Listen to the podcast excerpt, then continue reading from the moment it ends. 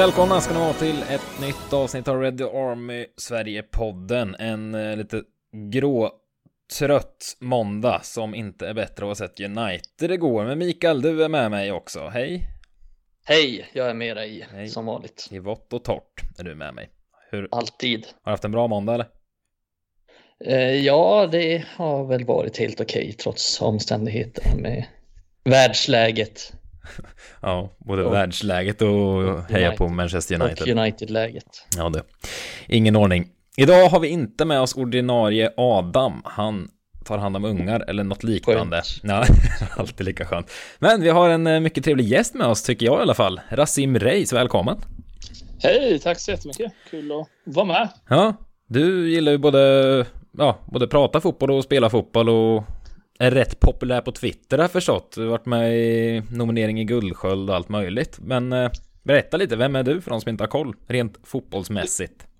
Ja, nej, men jag är väl en gammal avdankad lirare eh, från Småland. Eh, som sagt, eh, ja, älskar fotboll i alla dess former och eh, gillar att prata om fotboll och eh, framförallt titta på fotboll. Men eh, som du säger lite i inledningen här så har väl världsläget varit så att eh, jag har faktiskt inte kunnat fokusera riktigt så mycket på det utan försökt ta en liten paus också från sociala medier och allt sånt. Och jag, jag tyckte att det finns lite viktigare saker i fotboll men eh, såklart blir det att man tittar mycket. Men, eh, så att, eh, skönt att vara med och diskutera lite med, eh, med er här idag. Mm. Det tycker vi med. Micke, du försöker bli stor på Twitter, du tror ju att du är något där, men du har ju inget att säga till om jämförelse med Rasim där va? Försöker jag verkligen? Jag vet inte. Tror jag verkligen? Det är bara dina ord. Du kämpar på. Har jag ingenting sagt så har jag ingenting sagt. Exakt. Men eh, vill du berätta lite Rasim också, ditt eh, förhållande till United, där det är sen eh, barnsben? Ja, nej men alltså jag, United har väl funnits eh, som sagt sen barnsben. Man var, man var väl eh, förälskad redan när man såg David Beckham med sin frilla och Adidas-skor på den tiden. Eh, sen har jag en kärlek också till Juventus, så det är väl mina två klubbar som jag eh, verkligen håller på. Senare år så har jag verkligen följt United, vilket även med de svenska influenserna som kommit in med Zlatan, Lindelöf, som gjort det mer intressant. Och Mm. framförallt med Langa nu så, så är det ju spännande. Spännande är det ju inte just nu, det är ju mer tröttsamt att titta på. Men eh, man, eh, hoppet är det sista som överger en. Så att eh, någon gång vänder väl förhoppningsvis. Eh, men ja, som sagt, följt United i många, många år. Mm. Men eh, man har ju, för de som inte har koll på dig alls via sociala medier och så vidare, alltså man har ju sett dig ute och svinga lite, dyka upp i rutor lite här och var ibland. Styr och stryktipset är väl i nu, om jag inte helt borta va? Nej, men det stämmer bra. Jag brukar gästa där eh, titt som tätt eh, och diskutera lite Premier League, studio, Stryktipset och med fokus på Stryktipset då. Eh, och sen lite diverse poddar här och var. Så att, Mm. väldigt blandat och det är kul att diskutera. Det finns alltid mycket man kan lära sig och mycket eh, tankar man vill dela med sig i olika forum. Så att, ja. Ja. Är du vassare på stryktipset än vad United är på fotboll? Ja, alltså jag, jag, jag, må vara, jag är helt okej. Jag ska inte säga att jag, det finns många som är betydligt bättre på Stryktipset och lägger ner sannolikt eh, mycket mer tid än vad jag gör. Men eh, bättre än United på Stryktipset, det är än vad de är på fotboll, ja. Ja, ja. Det är så här lite Greklands bästa bandylag och så vidare. Exakt. Ja, det känns som eh, någonting har du nog att eh, tillföra här i alla fall. Men eh, vi har tänkt att vi ska såklart prata om derbyt igår. Vi spelade in det här måndag skulle jag vilja säga. Och så det var derby igår mot City. En bedrövlig match. Sen eh, ska vi snacka lite mer eh, ja, runt om United och eh, blicka lite framåt med. Eh, jag och Micke sitter här och blickar framåt varje, varje vecka tänkte jag säga. Men eh, ska även väva in lite vad, vad du har att säga Rasim också. Men om vi bara börjar med matchen igår, City United, alltså det man tar med sig och gått och grundat på idag är ju rakt igenom att vi blev förnedrade, eller vad, vad har du känt Micke?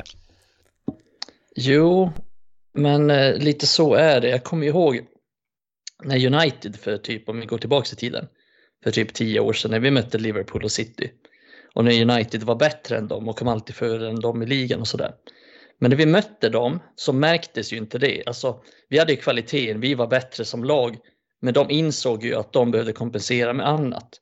Så de jobbade hårdare, använde publiken till sin fördel och gav liksom inte United någonting. Och de kunde ju vinna matcher på det. Men alltså om vi kollar på United idag så är de mot City, alltså vi har varken kvaliteten, mentaliteten, alltså vi jobbar inte hårdare än dem, vi är inte bättre tekniskt, vi är inte bättre mentalt, alltså vi har ingenting att komma med. Eh, och det är det som är så, så förskräckligt, alltså vi ger inte allt. Eh, och jag tror att det någonstans beror på att ja, men spelarna har den här självbilden att de ska vara lika bra som City. Men Eh, det, det, är vi ju verkligen inte. Vilket kan de ha den självbilden fortfarande verkligen? Jo, men de har ju ändå någon slags självbild om att ja, de är ett storlag, att de är uppe i toppen och slåss. Och... Oh. Jag kan ju bara se att Luke Shaw tror att United är bäst i Europa. Eh, men det är, det är fan den bilden de har. Kanske ligger något i det. Det är en skev världsbild i så fall. ja, det är den sannerligen. Det är, det är, ja, men jag tror absolut att de tror att de är bättre än vad de är, vilket ändå makes sense med tanke på det vi ser varje vecka. Mm. Razin, har du känt samma sak hela dagen? Ja, alltså det var en tuff söndag. Eh, dels att man inledde söndagen med att eh, titta på den matchen och sen avsluta själv och spela en träningsmatch ute i Botkyrka mot ett division 4-lag 21.00 minus 2. Spela 2-2 också. Så att, eh, det, var, det var mentalt tufft, eh, tuff söndag. Men det är, jag är väl helt inne på samma spår där. Det, det finns eh, en grund. Det finns, dels finns ingen röd tråd i, som United som klubb följer och det är som du säger. Eh, det här är ju en splittrad klubb på många håll. Uh, framförallt inom spelartruppen så känns det ju fel spelare på fel... Uh, man har värvat fel tycker jag. Man får inte ut någonting av de här värvningarna. Du värvar spelare som det tar åtta månader innan de gör ett en poäng till, på Jadon Sancho. Men som också nu börjat komma igång. Men då faller ju andra spelare ur, ur ramen. Eh, jag tycker många andra klubbar får ut mycket mer eh, och utveckla sina spelare. Jag har inte sett det på United på väldigt länge. En sån som Elanga kommer in och, ska vara tongivande. Eh, det ska inte vara egentligen. Det ska ju finnas andra spelare på den här nivån som ska bidra med mycket mer. Men mm. det, det, finns väldigt, väldigt mycket som, eh, som behöver göras annorlunda i dagens United.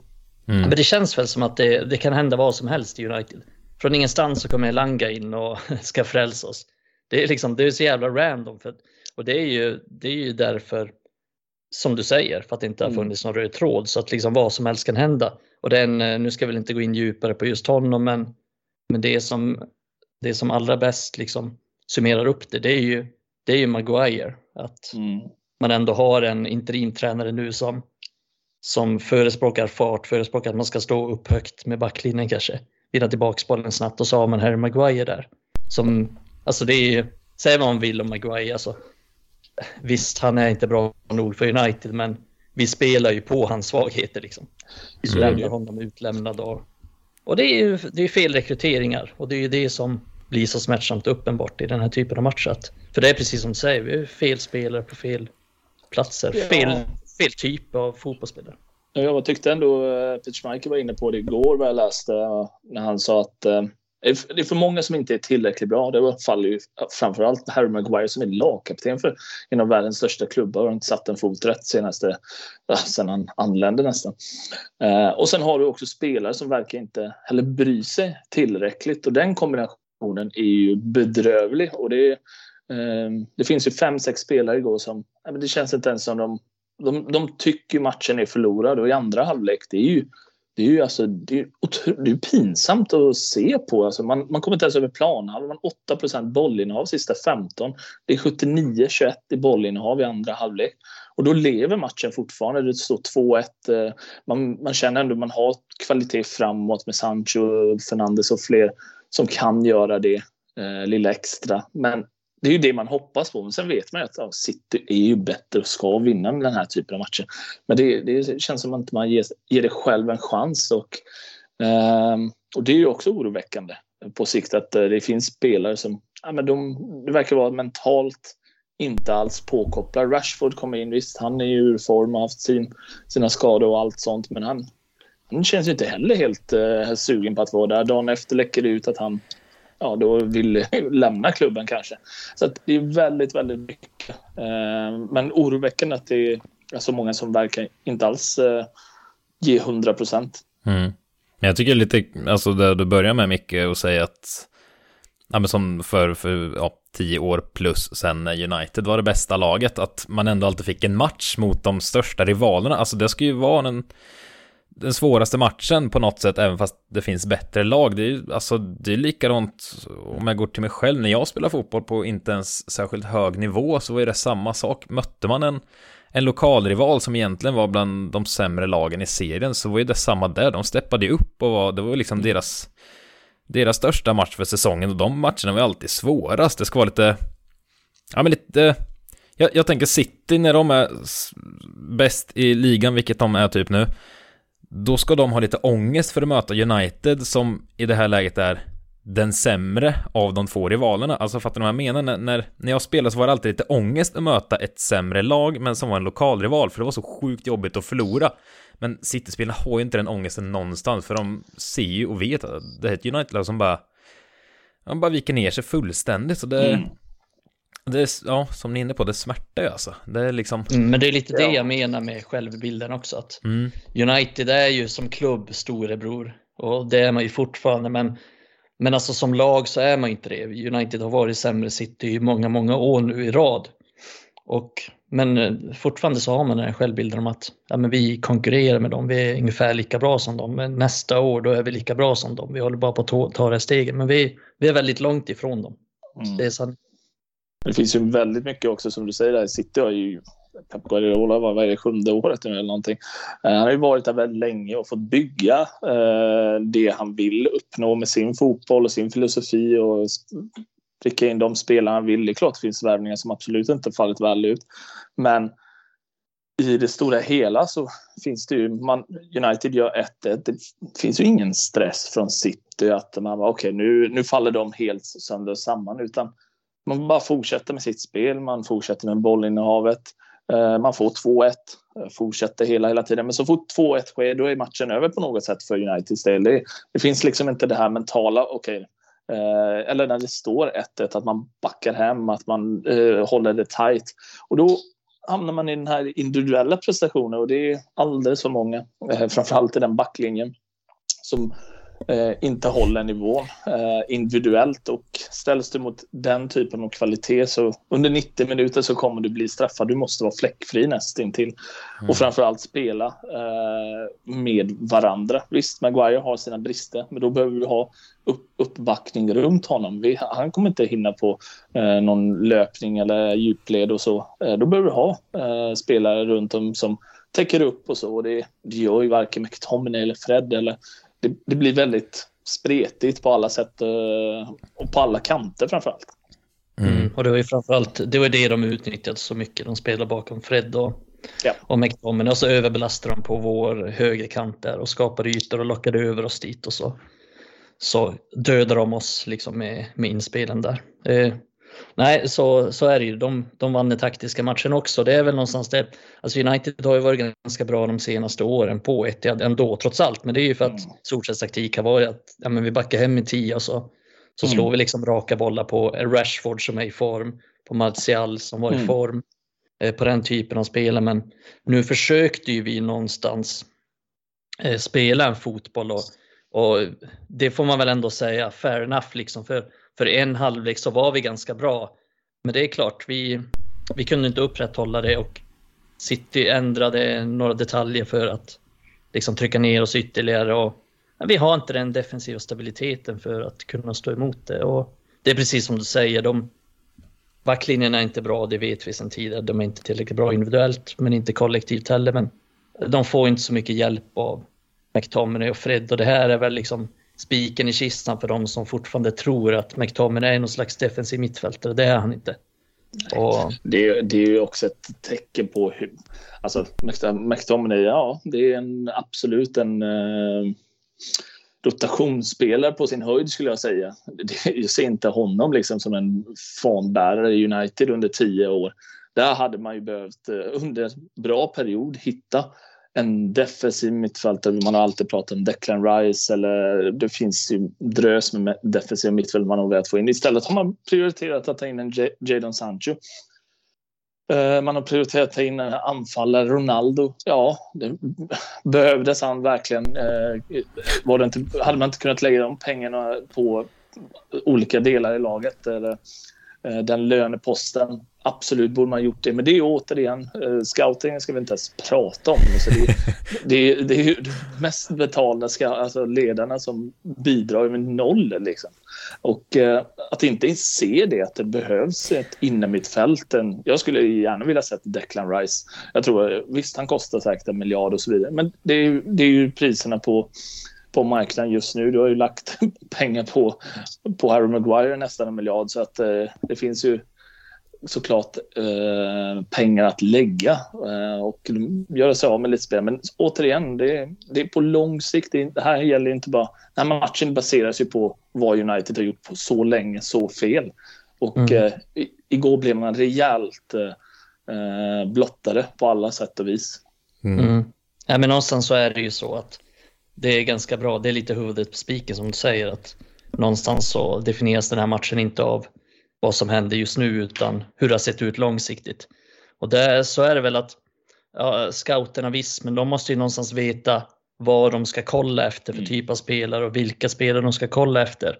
Mm. Det är väl mycket möjligt så att de har hittat massa bra mittfältare men om inte en klubbledning liksom vill ha mittfältare då är det svårt att göra så mycket åt det. Eh, så det är någonstans, det är som, som vi säger här och som Ragnik också har sagt i dagen att ja, men klubben behöver en tydlig riktning, en filosofi och det är det som skiljer klubbarna åt. Det är därför City är så mycket bättre än United. Eh, mm. För att de har det och har haft det under lång tid och United har inte haft det. Eh, så det är mm. den stora skillnaden. Ja. Men jag tycker också det var lite, alltså, lite fascinerande ändå i matchen igår. För alltså första halvlek, City var det bättre laget, ja. Men alltså United stod upp på ett sätt som jag inte sett på bra länge ändå alltså i en sån här match. För alltså, jag tyckte första halvlek var ganska bra och jag, vi, vi pratade om det i halvtid mycket, att alltså Ja, men det, det, här var ett fall framåt. Alltså City är ett av världens bästa lag, kanske det bästa i världen. Det måste vi ändå ha med oss någonstans också. Och jag känner, sen Ragnik kom, det finns mer tanke i det hela än vad det gjorde under Solskär. Alltså det tänka stå fast vid ganska, ganska rejält, även fast det ser ut som det gjorde i andra halvlek igår.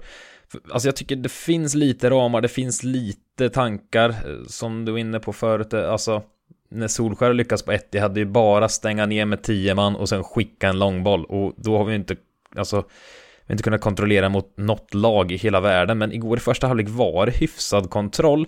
De gångerna City fick lägen, det var ju att United bjöd på lägen snarare än att City liksom malde ner oss, tycker jag.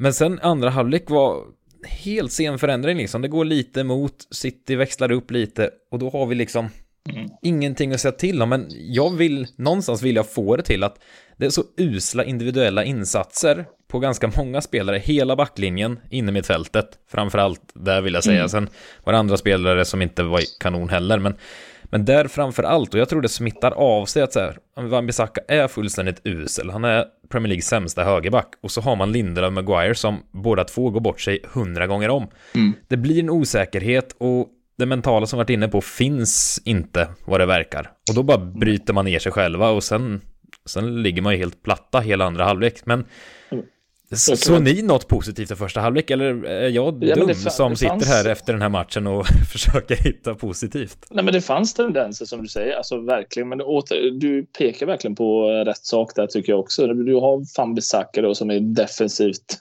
ja, jag läste någonstans, det var någon som skrev SJ regionaltåg eller något sånt till mig. uh, alltså det är så jäkla dåligt defensivt. Sen har du Luke Shaw defensivt. Uh, minns när, ehm, om det var i Viasat-studion för några veckor sedan, där de sågade honom också, att han, han tittar ju aldrig bakom axeln eller följer sin spelare. Samma sak med Alex Tejes. Eh, samma typ av spelare. Sen har du Lindelöf och Maguire som absolut inte är två spelare som ska spela med varandra. Lindelöf ska ju eh, vara en spelande, han ska falla, han har lite snabbhet i sig. Där behöver han en komplettering med en annan typ av mittback. Men tillsammans med Maguire så är ju de absolut bedrövliga ihop. Eh, det är klart det håller liksom mot eh, lite sämre lag där du inte blir eh, satt på prov som inte har samma typ av teknisk kvalitet offensivt och, så vidare. Så att det är ju liksom väldigt oroligt. Den backlinjen så felsynkad på så många sätt. Du har tre spelare som defensivt är riktigt svaga och vill du spela en fotboll då som Ragnik eh, pratar om sin egen press och så vidare, det går ju inte mot City riktigt utan det vill bli tvärtom. Eh, så blir man ju sårad gång på gång på gång. Ehm, och eh, någonstans där så har man ju byggt det här på, under flera år. Man har inte riktigt hittat det defensivt för United har varit defensivt ett starkt lag många, många år. Men på senare år så har det ju Alltså det verkligen eh, blivit sämre och sämre och sämre. Och så fort eh, det skruvas upp lite mot bättre lag så, så tycker jag att eh, man ser de här bristerna väldigt tydligt. Mm, man viker ner sig på ett sätt som är mm. nej, det är fruktansvärt, men nej, jag tycker faktiskt första halvlek, nej, det, det hade någonting och det får mig ändå ja, lite hoppfull när vi, om vi ska kika liksom längre fram än kommande veckan. Alltså jag känner mig ändå lite hoppfull. Alltså, Ragnik är inte världens bästa tränare, herregud, det är klart Guardiola är vassare och så vidare. Men det känns ändå som det finns någon form av tanke nu. Det, vi har någonting, sen är det brister på väldigt många ställen och som vi har varit inne på förr i podden, det känns inte som de har haft en vettig träning på flera år, alltså under Solskär framförallt och att det liksom, man slängde körde kvadraten som ett annat division 6-lag typ. Men Nej, sen, sen att man bara viker ner sig, alltså se insatserna Maguire och Lindelöf gör vid, vid deras mål. Var det 2-1 målet var där Lindelöf blev lobbad över och sen mm. såg någon video förut, från att han blir lobbad över precis utanför straffområdeslinjen så tar det 6 sekunder till att De Bruyne slår till bollen och den går in i mål. Och Lindelöf har flyttats ungefär två meter närmare mål ja. därifrån. Det är så, alltså vad, vad fan gör han? Och sen står, står Maguire och släpper, ja, och sen står Maguire och släpper mellan benen liksom där är så här. Mm det kommer en retur, släpp den inte ut mellan benen mitt i en egen straffområde. Du får ju skicka ut den till hörna. Alltså gör någonting. Det är så häpnadsväckande det... usla insatser alltså. Det, vilket mål var det, det nu då? När vi missade en offside-fälla eller vad det var igen. Alltså det är så dåligt. Så ja. det, går, det spelar ingen roll vem du har som tränare om spelarna beter sig som de gör alltså. Mycket bra, exakt lite det jag är inne på. Och, och det fallet med Lindelöf där, jag satt också och tittade på. Han blir, eh, ja, han blir plurad läktaren av Foden. Sånt kan hända. Foden är en otroligt fin spelare. Men vad händer sen då? Eh, och det här är ju mm. liksom i grunden en eh, dels en fråga för spelaren i sig själv. Självklart, vad gör jag? Vad kan jag bidra med? Men om du blir, blir bortdribblad så pass och sen går det som du säger sex sekunder. Han förflyttar sig. Jag ser ju när De Bruyne skjuter så står Lindelöf fortfarande en bit bakom och bara tittar, tittar. Medan Maguire är någon eh, hockeymålvakt som glider på knän och allt möjligt. Allt som inte har med försvarsspel gör ju han. Och det, det liksom händer ingenting. Det här är ett eget ansvar. Jag blir, att man ger ju inte alltid, man, man lägger ansvaret hela tiden på någon annan i laget och det är ju det absolut värsta man kan göra. Eh, oavsett nivå att nej, men han fixar det eller nej, men jag, det händer inte automatiskt i ryggmärgen att man oj, nu blev jag bortdribblad, måste jag falla ner och göra det jag ska göra. Samma sak på hörnan när Mares gör. Mm. Men spring ut mot den, bollen är i luften. Bollen gick långsamt i luften också, det var en väldigt lös långboll, alltså den bara svävade där. Och alla du hinner inte, det är ingen som ser det här. Det är, de gjorde ju någon sån eh, liknande, tror jag, i första halvlek på andra. Eh, liknande form av variant där De Bruyne slog kort till Mahrez som slog den, drog den över. Men var med på det här, du måste ju hinna ut. Eh, dra den på helvolley in i mål, det, absolut, det är jättefint och klass på det, men det är ingen som ens är i närheten. Uh, och det är ett otroligt oroväckande. Ja, men vi är ju inte, vi är inte där mentalt. Alltså jag vet att Ragnik har pratat om det tidigare också, men vi är liksom inte påkop påkopplade. Och det är ju precis, det är, alltså den där hörnan, den är ju ett jävligt bra exempel på det. Eh, det är sådana små, små detaljer och gör vi inte de detaljerna bra, ja men då kommer vi aldrig någonsin ha en chans mot City oavsett om vi är bättre. Mm bättre som lag än vad vi är idag så kommer vi inte ha någon chans om vi inte gör de här små detaljerna rätt. Och vi är inte först på bollar, inte på tårna. Eh, så jag börjar undra om Ragnik har svårt liksom, att motivera de här spelarna till att men fan, det ett, han ska inte ens behöva göra det för att det är ett jävla derby mot City. Han ska inte behöva säga ett skit. Men Nej. det är ju uppenbarligen så att de, de har svårt att motivera sig. Och, mm. Ja, det är en jävligt tuff situation för att det händer liksom inte så mycket med de här spelarna och man, man känner ju mer och mer att ja, det är fan lika bra att bara släppa hela jävla truppen. Alltså. Ja, men sen är det ju, jag älskar den. Ja. Uh, nej, men, uh, sen, sen, är det ju som du säger, uh, United kommer ju självklart vinna matcher framöver och spela ut vissa lag och så vidare, för man har kvaliteten. Men det är ju det är de här matcherna man, man kräver inte att man vinner mot City och så, men, men, men det får inte se ut så här att man, man förlorar en match med 4-1. Det är rimligt resultat mot City för det, det är många lag som gör det. Eh, de har vunnit 18, 15 och senaste 18. De, det, det är ett maskin, en maskin som inte går att stoppa på känns det som.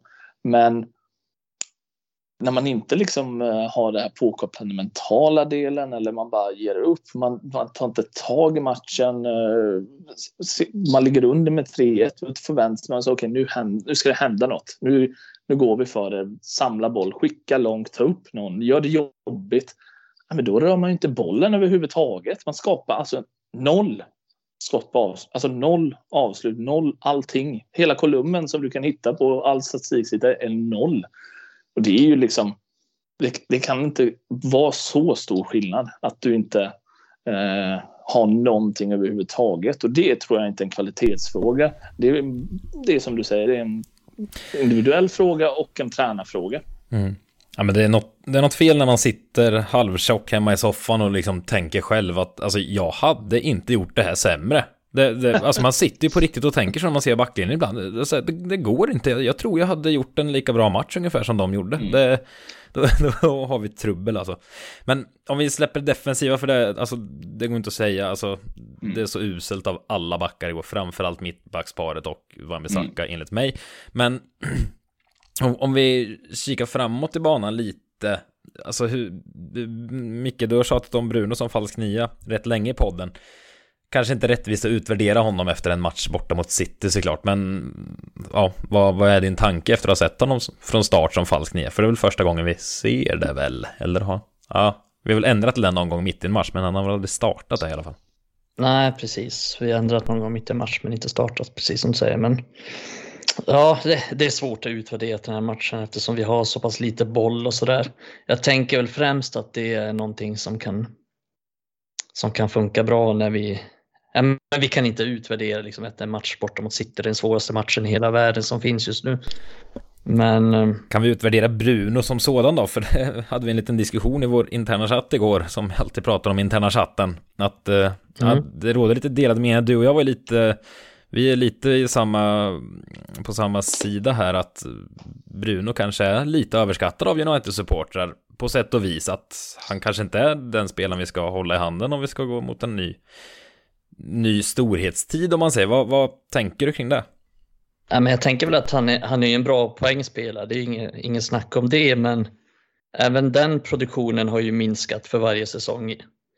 Eh, speciellt då han inte längre tar straffar, men som jag ser det så, så maskerar ju hans poängproduktion de brister han faktiskt har. Och jag tror ju att lag som har ambitioner av att vinna allting och ligga i den absoluta toppen behöver alltså spelare som förespråkar kontroll och som dominerar matcher. Mm. För mig är ju Bruno någon slags underdog-spelare. En spelare som trivs i kaos men, men som inte trivs så bra i, i system och det är väl därför han inte är så framträdande i Portugal tänker jag. Men, jag, jag, nej, men han passade väl bra när vi, när vi hade Ole som tränare som också ville vara underdog utan, utan struktur och funkar bra i omställningsspelare och hittar han hittar ju ofta en eller två målchanser och sådär mm. och så omsätter han det i poäng. Men ska vi mäta oss med City så behöver vi spelare som kan vårda bollen bättre och som inte slår mm. chanspassningar varenda, var, varannan gång de får den. Ja. Jag tappar räkningen på hur många gånger per match han liksom tappar bollen i onödan ja, och sätter det... laget under press. Och... Det väl bara kolla på också Kevin De Bruyne. Titta på. Jag har också tittat på, på det. Bruyne, liksom, och jämföra. Det, det finns, eh, som du säger, Bruno må, alltså han har ju varit väldigt eh, dålig ganska länge nu. Eh, men som du säger, han räddas ju mm. upp av det här, hur många chanser han skapar.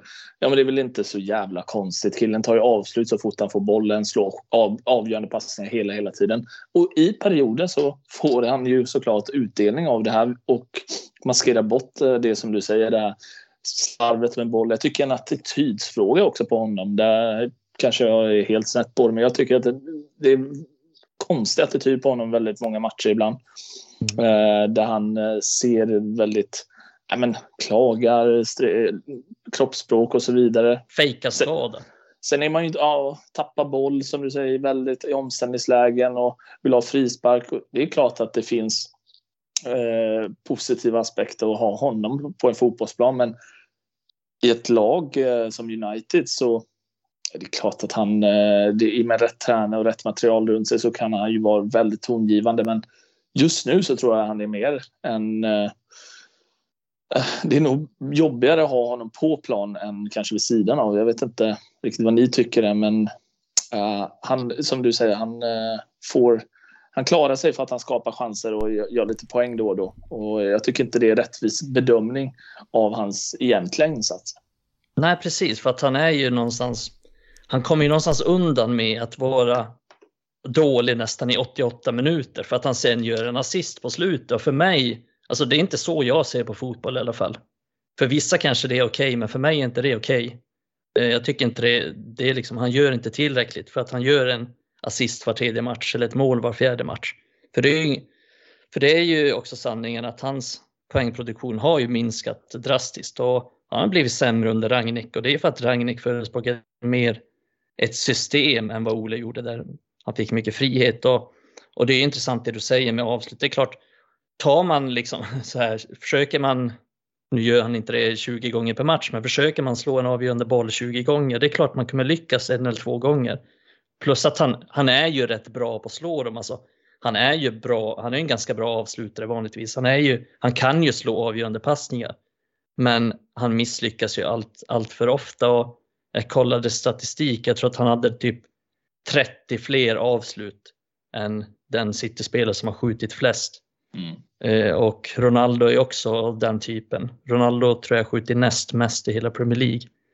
Eh, så de två tar ju extremt mycket avslut och på så sätt döda lite momentum som man, som man ibland har. Och jag tog upp det i förra avsnittet också. Det var mot Watford där i 93 minuten så skjuter Bruno från 40 meter. En av de mm. sista, ett av de sista anfallen vi har och det, det är väl just de sakerna som jag tycker är ett problem med honom. Det är klart, ibland så lyckas han och framförallt i början när han kom den första säsongen, första liksom så här 12, 13, 14, 15 månader, ja, men då lyckades han med ganska mycket men det blir ju mer och mer att han, att han misslyckas, att han blir frustrerad, att han slår bort, att han viftar med armarna. Så så nej, jag, jag tror inte att, att liksom Bruno Fernandes är en bärande spelare i ett lag som vinner Premier League eller Champions League. Det tror jag inte.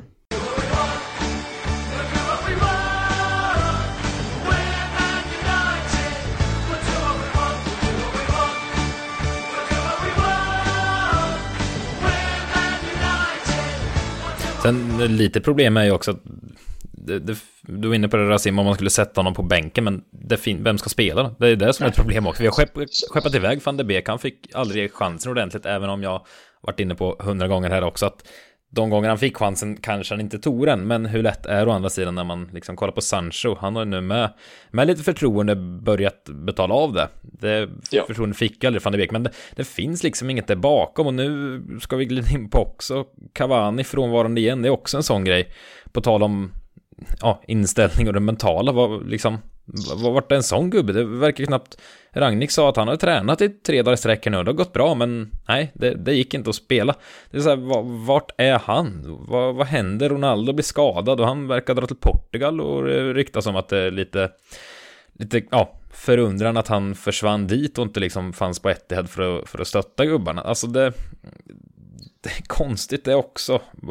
Det är något stort fel i mycket här, men Cavani varit inne på förut mycket, men vad, vad, alltså vad, hallå? Han har knappt spelat en match i år. Det är helt otroligt, han är aldrig med. Vad, vad, vad händer? Vad, vad gör han? Varför? Jag fattar inte. Sen blir han hyllad så fort han är med, för han springer mycket och sliter, men var med då. Det...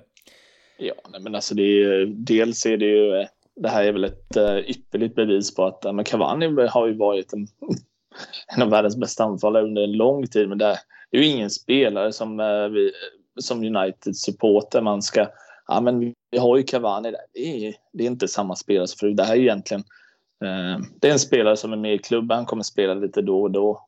Vad han gör vid sidan av, tränar, men kan inte spela, inte ens på läktaren. Alltså det, det är bara det är bara en felrekrytering återigen som inte man, man har kvar i klubben. Man kan inte bli av med honom på något sätt. Jag, jag, och sen som du säger, han springer lite, gör något mål då och då. Eh, sen är det, det är ju inte mer än så. Och det är ju det som är United. Det finns väldigt många sådana här typer eh, där man där spelare försvinner. Det var någon som hade tagit fram statistik om Cristiano Ronaldo. Han har inte varit med sju matcher och man tappar poäng. Man skyller att Ronaldo är problemet. Men om Ronaldo är problemet, varför värvar man Ronaldo då? Var, var det, tänkte man, fanns det ingen logik i, okej, okay, eh, vi ska bygga vårt lag. Ronaldo är en spelare som du bygger ditt lag runt. Uh, och, och nu anser man, det finns folk som anser att Ronaldo är ett problem. Mycket möjligt att det kan vara så i, i vissa matcher. Han missar väldigt mycket, men är fortfarande en av världens bästa anfallare när han är som bäst. Just nu kan han inte vara bäst i det här laget. Men problemet uh, är det... nästan att alla är problemet. Alltså om du förstår vad jag menar. Alltså all, alla vi värvar blir ett problem för, för de passar inte in i spelstilen eller de är på väg ut för i karriären. Jag håller med, vi har pratat om det här också hundra gånger. Alltså att Ronaldo skulle kunna, ja men i ett city kanske där det är världens spel runt om honom och han bara är i boxen och ska avsluta. Mm. Kanske hade varit kanon. Men ja. han passar inte i United just nu. Maguire var vi inne på. Han passar inte i United som Ragnik vill spela. Van Bissaka känns inte som han passar där. Så det är liksom, det, alla blir ett problem på något sätt. Bruno blir ett problem som ni säger, vi behöver ha mer, mer kontroll i matcherna och Bruno är absolut inte en spelare som ger det.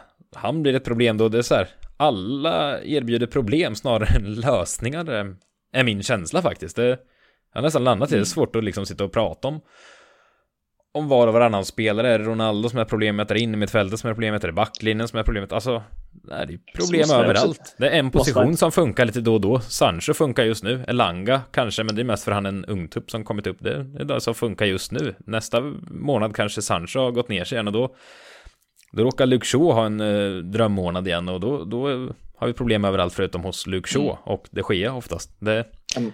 är problem och jag Tycker också, jag tycker också när man tittar, det ytterligare beviset på att eh, vad två klubbar står i är att City gör ju precis allting rätt nu. Det investeras sportsligt rätt, ledningen i, i det sportsliga infrastrukturen, i klubben, i spelarmaterial och så vidare och så vidare. Det är rätt investeringar. United, ja, de har ju sina ägare, det behöver vi inte gå in på idag tycker jag. Det är, det får man tycka vad man vill. Men Glazers är väl kanske inte det bästa för United om vi säger så.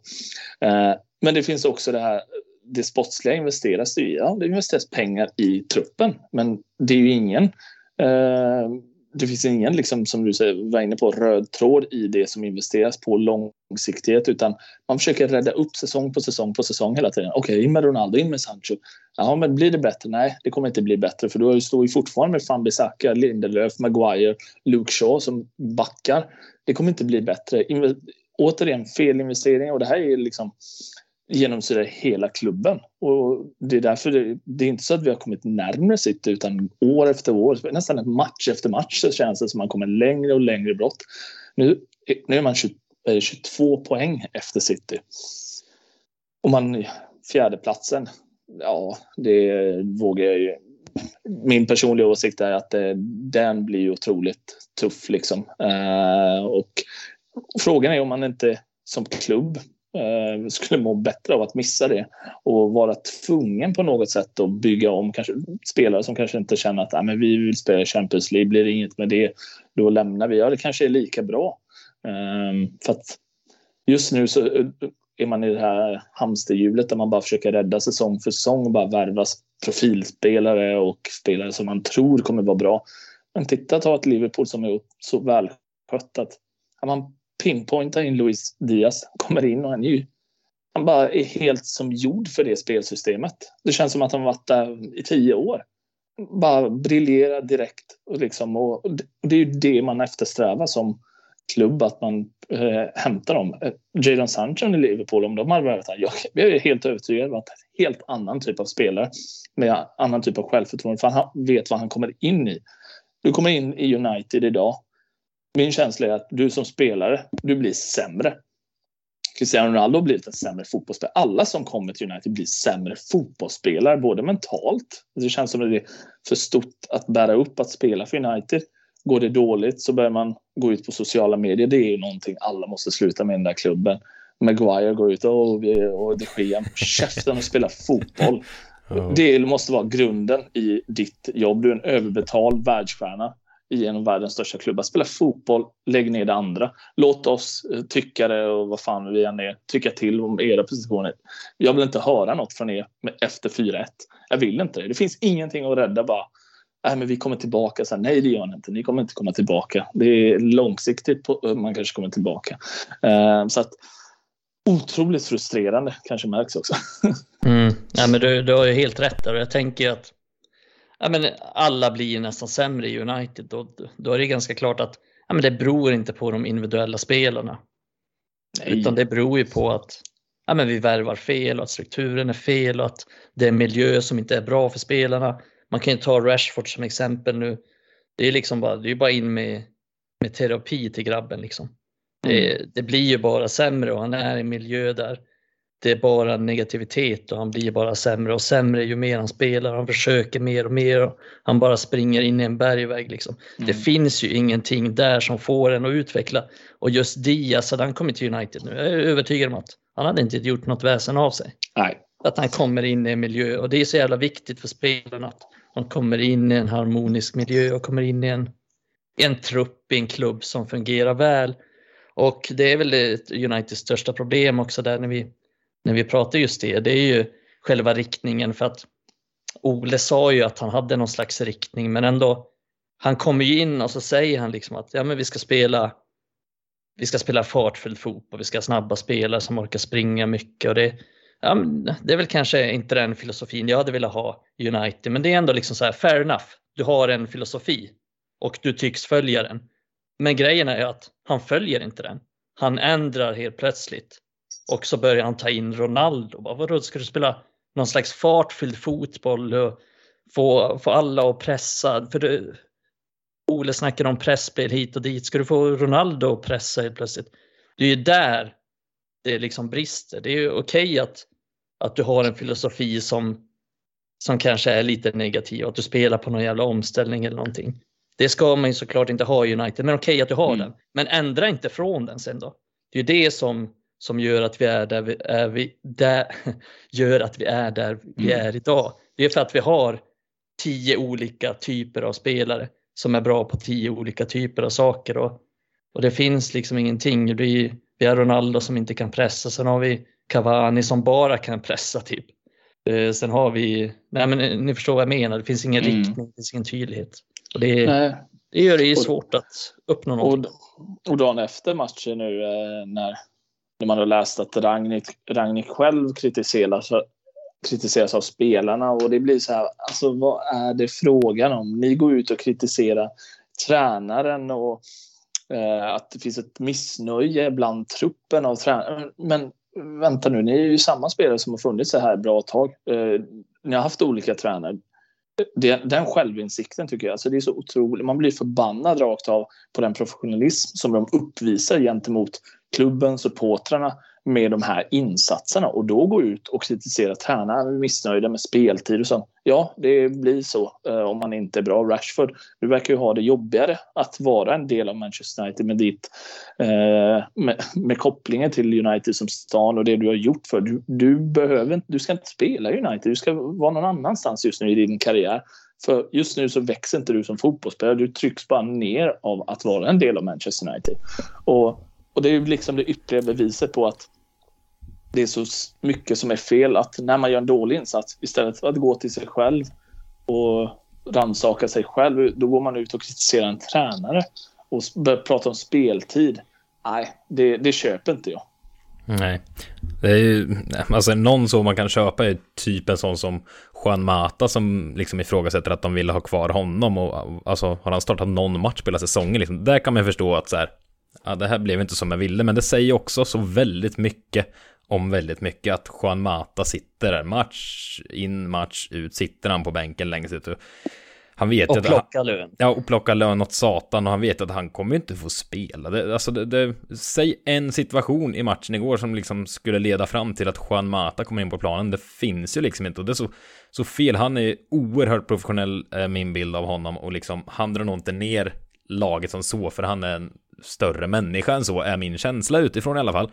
Men det är klart som fasen att han, han hade bidragit med ännu mer om, om, men om det fanns något något rimligt i det. Och det finns ju fler spelare vi har pratat om, om samma sak som blivit lovade guld och gröna skogar. Lingard, herregud. Han, jag förstår att han inte har samma energi när han kommer in på planen längre någonstans. För han blir lovad guld och gröna skogar och du ska du ska få kvar. Nu skulle han gått på lån om inte Greenwood var dum i huvudet, men ja, det är så mycket snett och som ni är inne på. Alla dras ner av att spela United. Till och med Rashford, han skulle lyftas en sån här match och bara känna glädje och stolthet, men det är bara tunga axlar och, och ångest alltså. Och, och nu när vi blickar framåt också, vilket vi har börjat göra lite här redan, eh, hör jag, men alltså nu, nu har vi Spurs kommande. Eh, hur är det nu? Är det Liverpool direkt efter? Det är Champions League däremellan och lite också, men...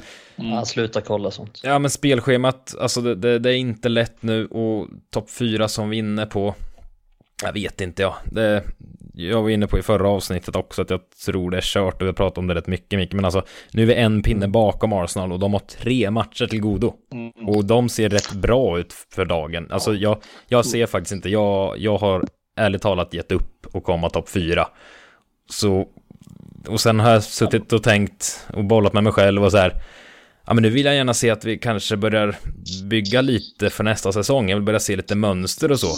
Men i ja, det... Så spela 4-4-2 med Cavani och Ronaldo på topp. Ja men alltså i det här, jag, jag vill ärligt talat, de spelarna som Ragnik bör ju vara involverad hyfsat i vad som ska ske framöver, även om man inte säger det utåt. Men spelare in och ut, alltså. Okej, okay, ge det någon mer match, men alltså torskar vi mot Spurs, alltså skit i resultaten då i Premier League under våren här. Alltså och starta för fasen inte Cavani eller Ronaldo en enda match. Alltså då vill jag att vi ger Hannibal chansen på mitten och se om han är något att ha. Uh, ja, men ja, spela varann så mycket som möjligt som är den mittbacken vi kanske ska bygga på. Nu är han aldrig tillgänglig. Fortsätt ge Sancho chansen, ge Langa chansen. Alltså, det, jag ser ingen anledning. Börja bygga för framtiden och ja. Ja, Cavani ska inte spela en minut till. Nej. Såvida inte halva laget får covid eller någonting. Nej, men så är det ju. Och tittar man, som du var inne lite på spelschemat, här, man har ju eh, Spurs då, sen väntar väl returen där i Champions League. Sen kommer man ju ha ett gäng tuffa matcher och eh, när jag tittar närmare så avslutar man mot Crystal Palace borta. Innanför det så har man Chelsea, Brighton borta. Arsenal det är tre förluster där. Fyra förluster. Everton borta. Alltså, det är klart att man inte kommer eh, gå rent eller överhuvudtaget. Eh, så att det är som du säger, förlust mot Tottenham. Eh, samtidigt som jag tror Arsenal, de ser bra ut. Trodde man absolut inte på inledningen av säsongen, men han verkar ju ha hittat liksom han har hittat ett spelsätt. De här ungdomarna flyger fram just nu. Man har mycket självförtroende. Eh, och man får med sig resultaten fast man kanske inte spelar så jättebra alltid. Och det, är ju, det är ju, har ju United också fått i många matcher. Han spelar inte bra men man, nej men Ronaldo räddar upp. Men i, sett över 38 matcher så är det ju aldrig hållbart. Uh, och jag läste någonstans igår efter matchen var det någon som skrev um, att ingen vet längre vem Manchester United är, allra minst United själva. Eh, och det är liksom summa summarum som du säger. Och att, nej, men hitta någonting. Ragnik lär väl vara inblandad här. Vad som händer om man ska vara kvar på, på någon sportslig roll och så vidare. Vem tar över? Gå ut med det tidigt. Sen vet jag att det är svårt eh, att eh, kanske signa tränare som har kanske redan ett uppdrag. Då. Men att man att klubben bara, vi har en plan inför nästa säsong. vi kommer meddela den. Eller att man har någonting. För just nu känns det som att det, händer, alltså, det är bara match efter match och det händer liksom ingenting. Ingen liksom vet vad som kommer hända heller. Vad, vad står United? Vem, nu är den, vet jag, Ten Hag en av favoriterna att ta över. Ja, det låter jättebra, men jag vill se tendenser på att man redan nu under våren börjar fokusera på. Sen vet vi att man har Champions League, men det är fortfarande kvar där. Det kan man ju skrälla och ta sig vidare en omgång till kanske, oavsett om man inte tror det. Sen, eh, men ja, som du är inne på där, eh, lira med spelare som faktiskt är för framtiden. Ja, men samtidigt sitter jag och funderar här nu liksom, vilka spelare är för framtiden i, i som, som är, är i inte... truppen, alltså bara mittbackspositionen. Ska man bygga på varann för framtiden? Ja, rent kvalitetsmässigt bör man väl det, men han verkar vara så skadebenägen så det vågar man inte lita på. Varken Lindelöf eller Maguire känns som som de håller kvaliteten. I enstaka punktinsatser kanske någon av dem lyckas, men sett ur 38 omgångar är inte den, någon av dem en mittback som liksom vinner eller etablerar sig ens i toppen av Premier League enligt mig. Och alltså det, det är mycket, vi har ingen högerback eh, på planen som liksom är tillräckligt bra, vi har ingen innermittfältare. Det, jag vet inte riktigt vad vi ska bygga kring heller, så jag känner bara att vi kan snabbspola fram till sommaren. Men mm. ja, vi blir besvikna då också. Men om vi ska bara kika, på lördag har vi i alla fall eh, Tottenham. Som, ja de har ju sina problem också. De gör en kanonmatch och sen är de säm sämre än United nästan nästa match. Och det ja, väldigt bräckligt lag också. Men vad tror ni om matchen? Kommer United liksom, är de helt nedbrutna nu och kommer bara Ja, alltså vad tror vi? Kommer vi brösta upp oss eller går vi bara nerför ännu mer? Nej, jag tror eh, att man kan störa Tottenham. Det, det finns väldigt mycket som är svagt där, men Tottenham eh, med tanke på anfallsparet Keyneson det kommer vara ett hot bakåt, det vet man ju. Nu spelar förvisso Tottenham en veckomatch här tror jag. Eh, hängmatch eh, mot eh, Everton. De spelar idag va? Ja. Eh, ja, det gör de. Den har jag tänkt se, det hade jag glömt. så att eh, får vi se liksom lite utfallet där, man vet aldrig. Eh, vinner de så kommer de komma säkert med en hel del självförtroende inför matchen mot United. Eh, och men som sagt, det är två lag som verkligen måste vinna matchen. Så slutar det säkert kryss på något håll. Ja, det känns väl som en 1-1 match. Klassisk 1-1 match. Mm. Nej, men det är ju som du säger, det är, det är Son och Kane liksom som är deras, Kolosevski kanske om de spelar med, det, med de tre där framme som, som är deras hot mot vi vet ju att om United liksom har mer bollar, men då är vi sårbara i, i omställningarna. Och, mm. och det till och med City har ju svårt mot Spurs omställningar, vilket vi såg i matchen då, City mot Spurs. Eh, så det är klart United kommer få problem där och det är väl det är deras hot, så det är det vi måste ta bort på något sätt, att, att de inte får chanser att ta de där omställningarna. I övrigt så är jag inte särskilt imponerad av Spurs, men å andra sidan så är jag inte så imponerad av United heller. Men, ja, Vad menar nej, du? är du inte imponerad av United? Väl, det känns väl som ett kryss.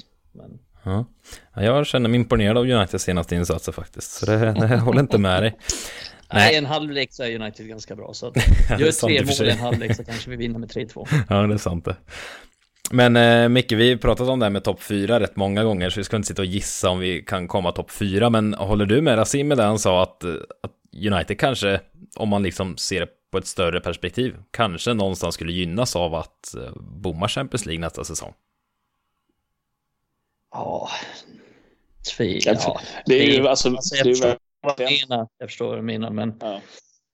ja. kanske. Jag tror inte det är en stor katastrof i alla fall om vi, om vi missar topp fyra, för att vi vet ju sedan tidigare att ja, men United har ändå kunnat värva stora spelare trots att de inte är i Champions League.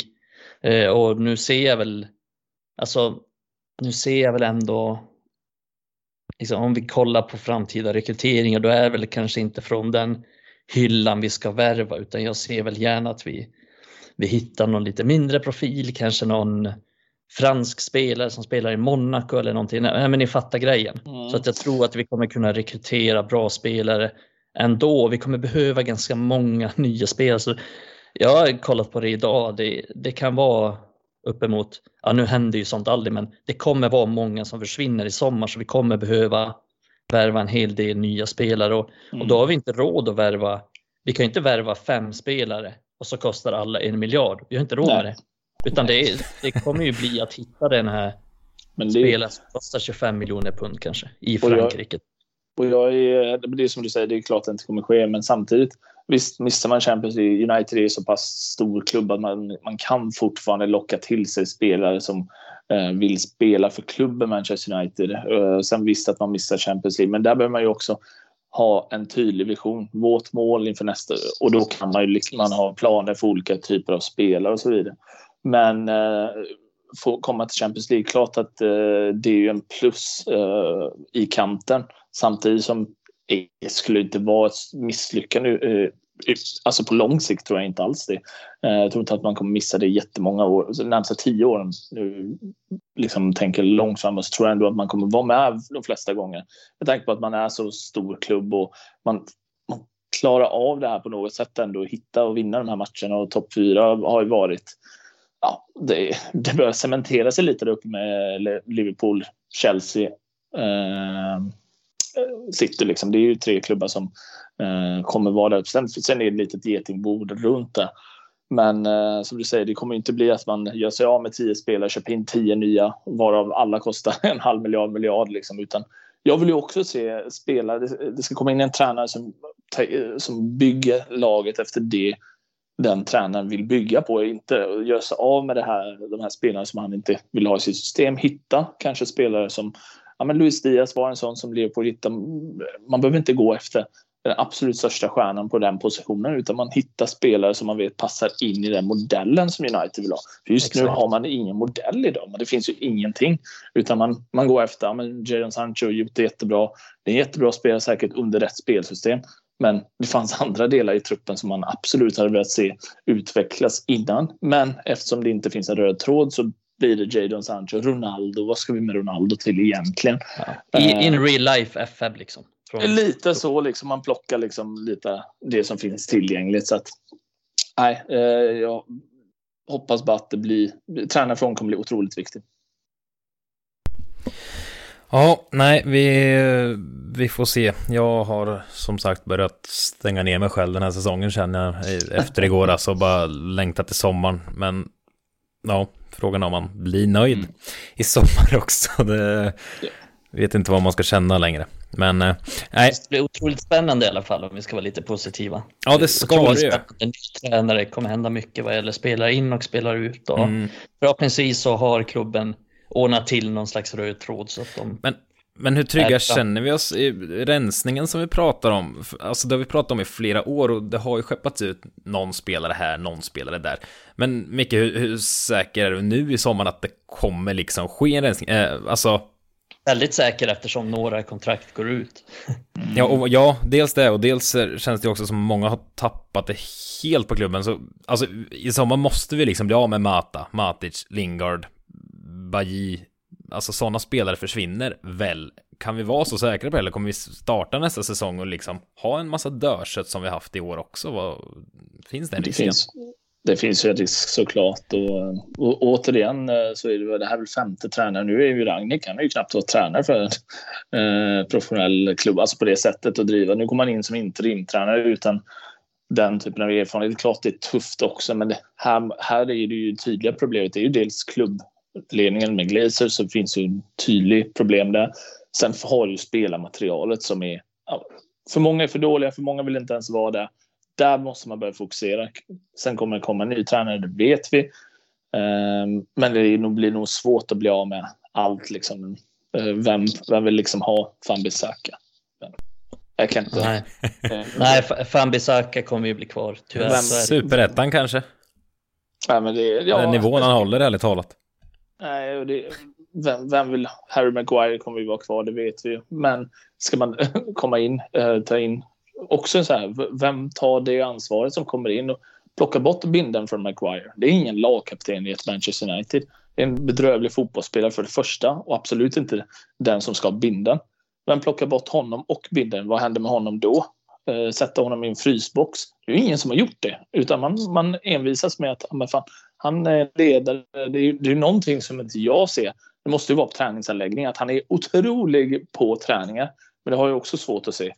Men samtidigt så kan det också vara möjligt med tanke på att det är Manchester United så träningarna kan ju vara väldigt märkliga säkert. Men jag, jag tänker ja, lite precis. med, med... Jag kör du mycket. Ja men, ja men precis så är det Det blir svårt att bli av med Maguire nu. Eh, även om i en, i en bra värld så hade någon kommit med ett bud, men det kommer ju inte hända. Plus att det blir så stor omsättning. Alltså någonstans så måste vi ändå ha kvar några i alla fall. Och jag vet Ja. inte, någonstans så är ju Maguire kanske inte prio ett att skeppa Nej. ut, även om jag också vill att han ska försvinna, utan det är ju de som kommer försvinna. Det är ju Lingard, kontrakt går ut, Mata, Mm. kontrakt går ut, Cavani, kontrakt går ut. Sen är det ju de spelarna som vill bort. Jag tänker typ, ja men Andreas Pereira kommer försvinna permanent förmodligen. Bajy kommer nog Han pusha kommer ganska försvinna. hårt för en Han kommer flytt. pusha hårt. Martial kommer pusha för en flytt, men jag är inte Mm. säker på att det finns någon klubb där som har råd med hans lön. Men Bajy försvinner garanterat. Ja, han, han ju, Sebek försvinner och han Ja, vill men ju det inte ens... det finns ju en hel del som kommer försvinna tror jag. Ronaldo, jag är inte säker på att Ronaldo stannar kvar. Och Nej, Ja, men den Greenwood- känns ju... Den känns ju... Greenwood eh, vill jag inte ens prata om. Det- Nej, men det är många som kommer försvinna i alla fall. Ja, exakt. Ja, men så är det. Och, men ja, det gäller ju liksom att bita ihop här lite nu. Men framförallt eh, så hoppas jag att spelarna någonstans, fast jag inte, är inte övertygad om att det kommer bli så, att spelarna själva tar Eh, ett eget ansvar och liksom någon stolthet. Det finns ju inte knappt det. Du spelar för det, det klubbmärket. Att du visar passion. Eh, att du visar att eh, matchen är inte avgjord förrän domaren blåser liksom. Det finns inte idag och det syntes så tydligt mot City att de blev påverkade av att ja, men vi är så pass mycket sämre. Fotbollsmässigt så känner man ju alltid att United kan göra det. Men det är ju mycket mer än bara liksom skeppa ihop ett gäng bra spelare. Eh, Men just nu har du ett gäng spelare som inte ens gillar att spela fotboll ibland känns som. Mm, Nej, nej, jag, som sagt, ibland, ibland vänder jag och blir lite småpositiv efter någon insats och senaste, senaste matcherna, eller senaste veckorna ska jag säga, har jag ändå uppringat någon form av positiv anda inom mig när Ja men det vi pratar om mycket, mycket det här med att det känns som det görs lite rätt ändå i styrelsen eller i, i liksom klubbledningen så att det, det är fotbollsmänniskor där nu. Murtag och Arnold verkar ha lite självinsikt vad han kan och inte kan och man har plockat in Fletcher. Ja men det finns lite så här, det finns lite fotbollsfolk och, och man har försiktigt varit positiv. Det kommer komma en ny tränare i sommar. Antagligen Ja, men de någon, verkar någon vara riktigt ganska bra. tidiga med det. Ja, Förlåt för att jag avbryter det, men så Jag jävla gör det. taggad på att prata. ja, ja men Nej, nej, men de verkar ju ändå vara ganska tidiga med, med att försöka rekrytera en tränare. Att de vill ha klart det ganska snart. Mm. Så att inom de närmsta veckorna, månaden så verkar det ju som att de mm, vill eh, försöka göra klart med någon tränare och det är ju väldigt proaktivt för att vara United. Så vi hoppas ju på att de har insett det. För vi vet ju att under Woodward och så vidare, och så vidare då fanns inte den här röda tråden. Men nu är ju inte Woodward kvar till exempel så att vi måste ändå ge de här nya någon chans innan vi dömer ut det. Och förhoppningsvis så har de, har de en tanke, en röd tråd och får rätt på de här rekryteringarna. mm. Mm. Det är den som, man ska inte hålla andan, ska jag säga. Är- Nej, det ska man inte. Man, man har ju sett att uh, utfallet inte har varit så för länge. Vad blir det? Femte, sjätte tränaren liksom. Samtidigt som uh, de övriga toppklubbarna håller kvar sina tränare ganska länge. Eh, och jag har ju va- varit också så här, lyssnat lite på brittiska panditsen liksom. Man får tycka vad man vill om dem. Men vissa poäng har de alltid. Och det var lite det här med att man missade Conte på något sätt. Jag vet, Conte måste väl ha varit intresserad. Sen vet jag att han hade relationer med Paratici i, i Tottenhams eh, ledning och så vidare. Att eh, det var mycket enklare och så. Men att, men det, att rekrytera in en tränare, det, det, jag tror inte det är det enklaste heller. För det, man måste ju också som tränare själv tänka, okej, vad ger jag mig in på? Eh, hur, hur, vad är tålamodet från klubben? Vad, det är ju väldigt många parametrar som man som vi tänker bara, men United, det är klart att alla vill vara tränare. Jag tror inte så fallet är längre idag. Nej, det Ja. tror inte jag heller. Men eh, ja, nej, jag har eh, varit försiktigt positiv på det stora hela sett senaste tiden. Men alltså efter matchen igår kände jag bara, nej, det kanske behövs några dagar till innan jag kan känna mig lite positiv igen för framtiden. För frågar du mig idag, måndag 7 mars, så säger jag att nej, United slutar 6-7 nästa säsong också, oavsett vilken tränare vi har. För Alltså, för så som jag känner just nu, här och nu, då känner jag ändå, det spelar ingen roll om vi tar in Ten Hag eller Pochettino eller någon annan demontränare om de nu är det.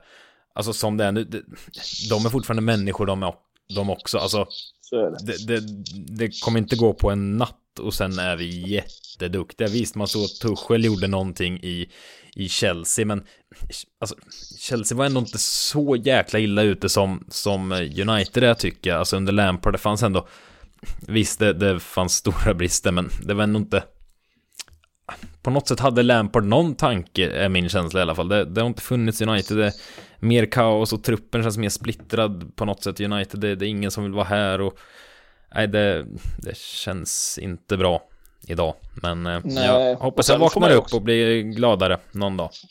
Sen får man också vara lite, så de som det pratas om Pochettino och så vidare. Alltså det är ju, vad har Pochettino gjort egentligen i sin, han har gjort det bra med eh, Tottenham, men det är, det är ingen tränare som har vunnit någonting egentligen heller. Eh, är det den typen man kanske ska gå efter, en vinnare man vill ha in på tre säsonger?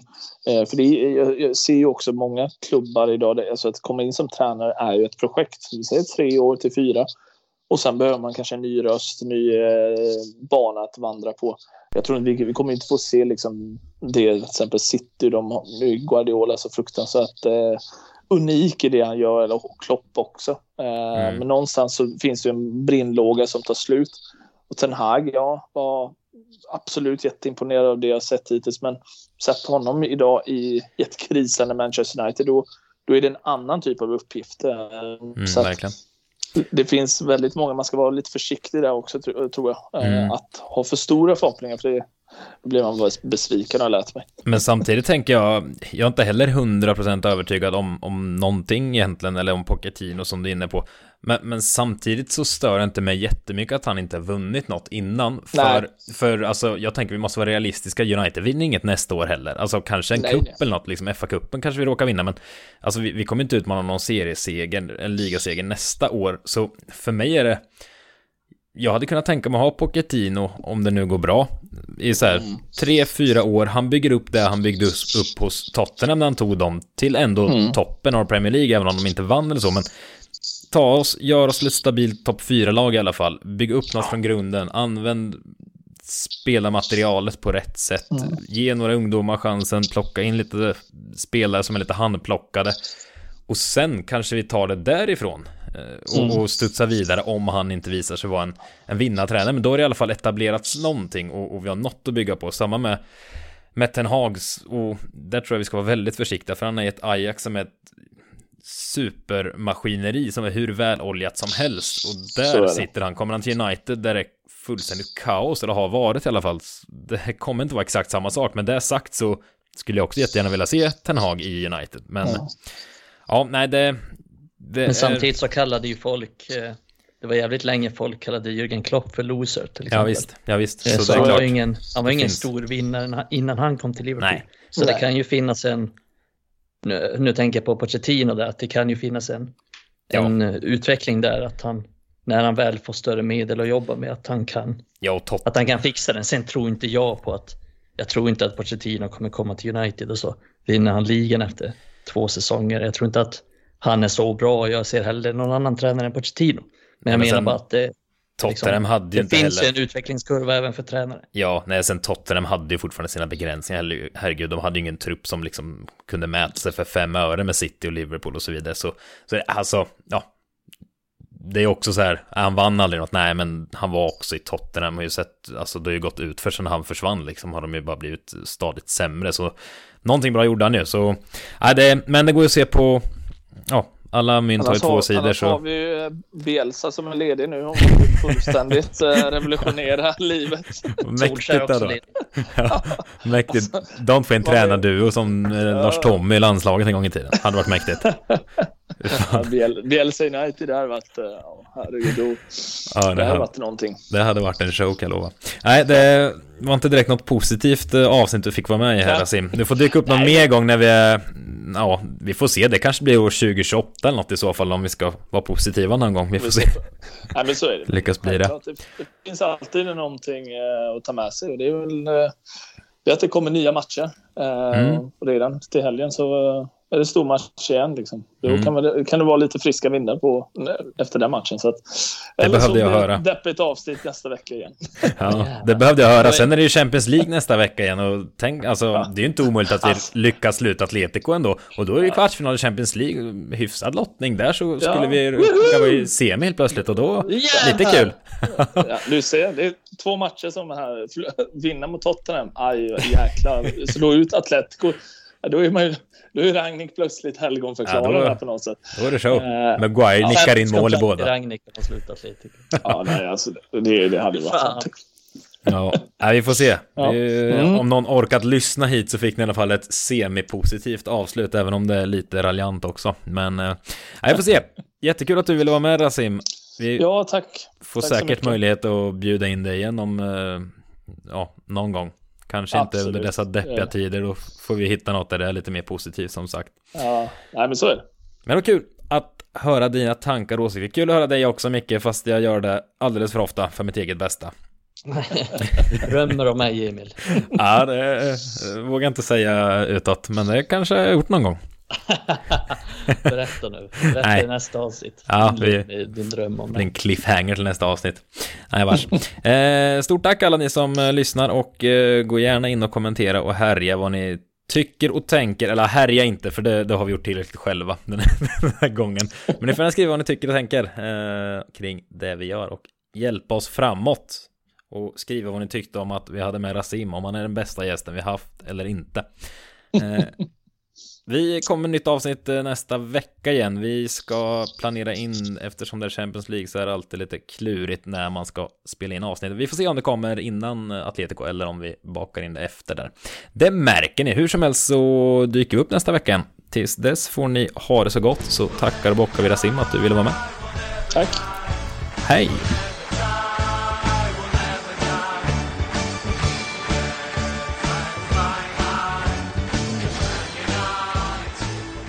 Bryt! Eller jag kan ju bara stänga av i och för sig.